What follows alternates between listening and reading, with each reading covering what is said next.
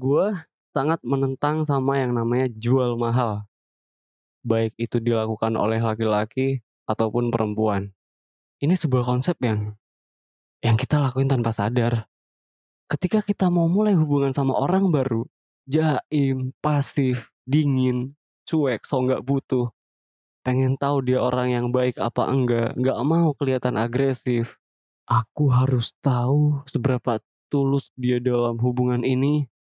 Nunggu dua jam dulu, nanti kalau udah dua jam baru aku balas. Kagak bro bro, that's wrong. Itu mempersulit. Itu buruk. Akibatnya di awal hubungan itu udah nggak nggak menyenangkan gitu loh. Kalau mau dilakukan, it's late di belakang bukan di awal. Harusnya di awal ya, kalau saya ingin bertemu dengan B dan B ingin bertemu dengan saya, kita sama-sama maju. Ngajak ngobrol, ngajak ketemu, ngajak jalan, ngajak nonton, ngajak makan. Harusnya seperti itu. Step awal, we should connect beneran as a friend. Pengen ngajak ngobrol, tidak ada uji-ujian. Kalau kita mempersulit orang untuk ketemu sama kita, kemungkinan besar kita malah akan kepincut. Kesaring sama orang-orang yang tidak seharusnya kita berikan hati. Tahu nggak apa yang terjadi? Ketika seorang perempuan terbiasa mengecek, menguji, tahu nggak apa yang terjadi? Yang maju, ngajak ngobrol, ngajak jalan, itu biasanya adalah laki-laki yang mencari thrill. Sementara laki-laki yang mungkin baik-baik saja, laki-laki yang agak minder tapi sebenarnya hatinya baik, itu mereka ketika ngelihat seorang perempuan jaim, dingin dan segala macam, mereka akan langsung merasa, ah ya udahlah, ah nggak berani ah, ah udah ditolak, ah ah udah nggak bisa lagi, ah aku kurang ganteng, ah aku kurang kaya. Akibatnya orang-orang yang baik, laki-laki yang baik sering kali malah jadi mundur. Nah, yang maju siapa? Laki-laki yang suka dengan tantangan. Kalau kita sebutnya mungkin playboy lah, player lah, playgirl lah.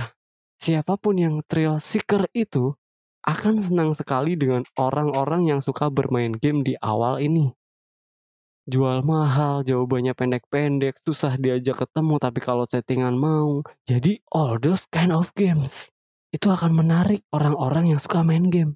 Dan si perempuan itu mereka berpikir kayak, wow, laki-laki ini mau maju terus.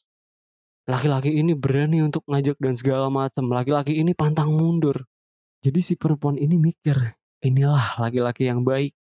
Padahal biasanya ya, setelah si akhirnya perempuan ini membuka hatinya, si laki-laki yang tadi pantang mundur itu malah mulai mundur, mulai males, mulai ngerasa kayak I did it. Saya sudah berhasil, dia udah kepincut. Mulai jadi males. Inilah story yang kita sering dengar tentang percintaan yang orang berubah di belakang. Awalnya kok greget, awalnya kok berani, awalnya kok tulus.